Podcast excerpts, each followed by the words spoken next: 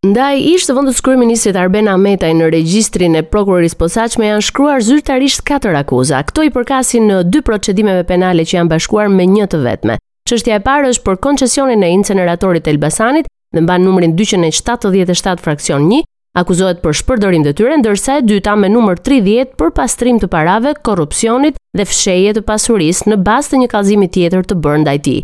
Hetimet që po kryhen ndaj Ahmetajt janë bërë me dije mbrojtësve të tij, por Spaku dhe ish zëvendëskryeministri do të përballen së shpejti në gjykatën e posaçme të apelit për kontrollin e banesës së Eriola Hoxhës, bashkëjetueses së Ahmetajt, ndodhur në datën 9 mars. Mbrojtja pretendon për shkelje të Kushtetutës dhe ligjit nga ana e SPAK sepse nuk ka marrë leje nga Kuvendi për kontrollin e banesës ku jetonte Ahmetaj. Apeli i gjykatës së posaçme ende nuk ka caktuar një datë për shqyrtimin e padisë. Byroja Kombëtare e Hetimit me vendim gjykate ushtroi kontroll në datë 9 mars në shtëpitë e ish gruas Albina Mançka dhe bashkëjetueses aktuale Eriola Hoxha. Agjentët e BKH-së kanë sekuestruar disa dokumente gjatë kontrollit. Avokatët pretendojnë se Ahmetaj, Hoxha dhe fëmija i ardhur në jetë nga bashkëjetesa e tyre duhen konsideruar një familje. Banesa është kontrolluar sipas kallëzimit, duke e mbajtur Eriola Hoxhën në katin e parë. Sipas tyre, ajo duhet të ishte prezente gjatë gjithë kohës. Të paligjshëm avokatët kanë cilësuar edhe sekuestrimin e celularit të bashkëjetueses së Ahmetajt. Në një vizitë zyrtare në Greqinë fqinje, kryeministri Rama është treguar optimist para presidentes greke për zgjidhjen e çështjes së detit midis dy vendeve. Kreu i qeverisë shqiptare vlerëson dakordësinë për t'iu drejtuar Hagës. Jam shumë optimist se pikërisht në këtë klimë ne do të zgjidhim më së miri të gjitha çështjet e lëna pezull mes dy vendeve. Edhe dakordësia për t'iu drejtuar një pale të tretë për zgjidhjen e detit tregon se jemi në rrugën e duhur për t'i dhënë zgjidhje problemeve.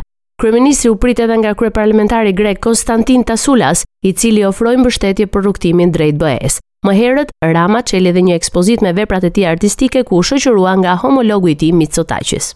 Nga konferenca Doktrina e së djathtës, Sali Berisha ka akuzuar paraardhësin e tij në krye të Partisë Demokratike, Lulzim Basha, se e largoi këtë forcë politike nga vlerat konservatore dhe boshti i saj ideologjik. Ashtu si 32 vite më parë, Berisha tha se nevojitet që shqiptarët të përmbysin sistemin monist instaluar nga Edi Rama. Hapi i parë drejt arritjes së këtij qëllimi sipas Berishës janë zgjedhjet vendore të 14 majit. Ndaj nga Mati ku ai prezantoi Skënder Gjucin si kandidat të koalicionit Bashkë Fitojmë, ai theksoi se zgjedhjet vendore kanë një rëndësi të jashtëzakonshme. Vetëm një forcë konservatore e qendrës së djathtë mund të përmbysë këtë monizëm.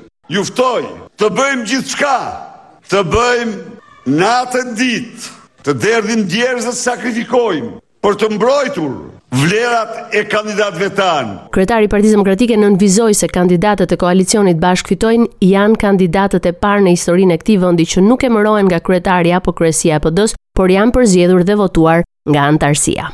Ditën e mërkurë është inauguruar Spitali i ri i Sëmundjeve të Brendshme në QSUT. I pranishëm në ceremoninë hapëse të kësaj qendre spitalore, kryeministri i vendit Rama foli për bluzat e bardha dhe garantoi kushte optimale të punës për ta, Ai u ndal edhe tek rritja e pagave ku theksoi se këtë vit qeveria do të mbajë premtimin për rritjen me shtatë për qind të pagës së mjekëve të përgjithshëm dhe infermierëve. Kreu i qeverisë u shpreh se po ashtu të gjithë mjekët që do të kenë volum më të madh pune do të shpërblehen financiarisht mbi nivelin e vendosur të pagës. Agjentët e antidrogës në policinë e Tiranës kanë vënë në pranga anëtarët e dy grupeve kriminale të cilat shisnin droga të forta në shkolla dhe në lokale. Operacioni i koduar Harta çoi në arrestimin e 20 personave, shpallje në kërkim të katër të tjerëve, dhe në sekuestrimin e 2 kilogramëve kokainë, 130 dozave heroinë dhe 300 dozave kanabis. Hetimet e policisë zbuluan se droga shitej në të paktën 13 zona të Tiranës dhe Kamzës. Për të mos u diktuar nga policia gjatë telekomunikimeve, grupi përdorte kode, një prej të cilave ishte dhe pluhur zane, nënkuptonte kokainën të cilën e siguronte në zonën e Fushë-Krujës. Pjesëtarët e këtyre grupeve kriminale përdornin mesazhe të koduara dhe kryesisht qarkullonin me automjete të transportit publik, për të shmangur kontrollet e befasishme të policisë. Policia gjithashtu i sekuestroi të arrestuarve dhe 5 milion lekë të vjetra, 1700 euro dhe 11 automjete që përdoreshin për veprimtari kriminale. Teatri Kombëtar Eksperimental e nis sezonin e ri artistik me të njëjtin buxhet si 10 vitet e fundit me 8 milion lekë të reja. Nga marsi deri në korrik, ky teatër ka zgjedhur të ngjisë në skenë 6 premiera, mes tyre shfaqje për fëmijë dhe dans kontemporan, Për këtë sezon të parë për drejtuesin Gjergj Prevazi nis bashkëprodhimi me Teatrin e Gjilanit dhe Qendrës Multimedia për veprën Gadjo, një zgjedhje pozitive kjo edhe për financat e teatrit. Pjesë e kalendarit artistik është edhe workshopi për dramën shqipe, ashtu siç dhe e shpalosi në platformën e tij Prevazi kërkon të krijojë ura bashkëpunimi me teatrot e Kosovës dhe të gjithë rajonit.